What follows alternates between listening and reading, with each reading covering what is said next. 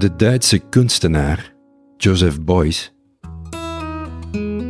die zei: Iedereen is een kunstenaar.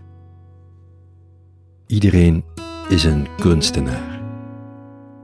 Dat geloof ik ook. Dat we allemaal kunstenaars zijn van ons dagelijks leven.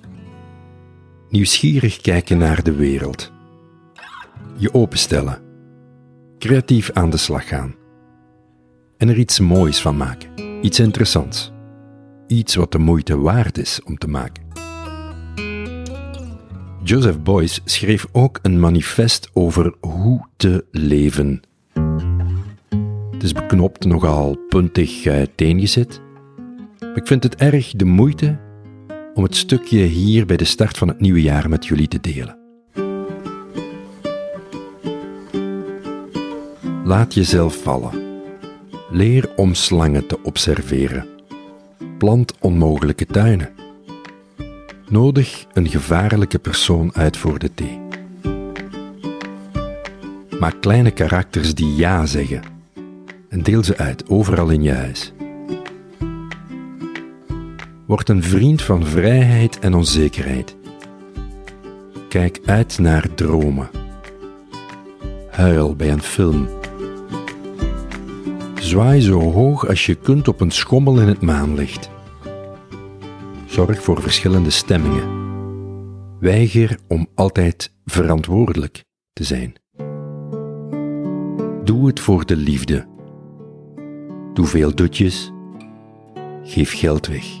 Doe het nu. Het geld volgt vanzelf. Geloof in magie. Lach veel. Neem maanbaden. Heb wilde fantasieën, transformerende dromen en een perfecte kalmte.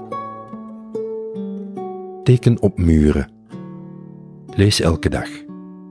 Stel jezelf voor dat je betoverd bent. Speel met kinderen. Luister naar oude mensen. Open jezelf, duik erin, wees vrij. Prijs jezelf en zegen jezelf.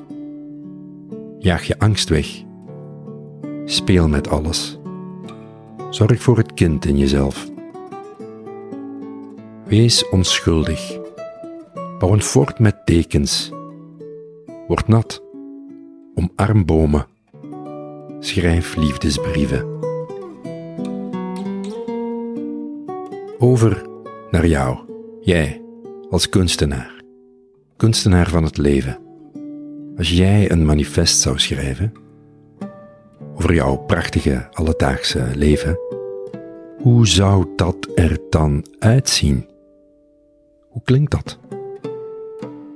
Waar houd je van? Waar geloof je in? Welke dingen ga je geloven gaandeweg? Waar hecht jij waarde aan? Waar zou je meer van willen doen en waar minder? Wat zijn je doelen, je stippen op de horizon?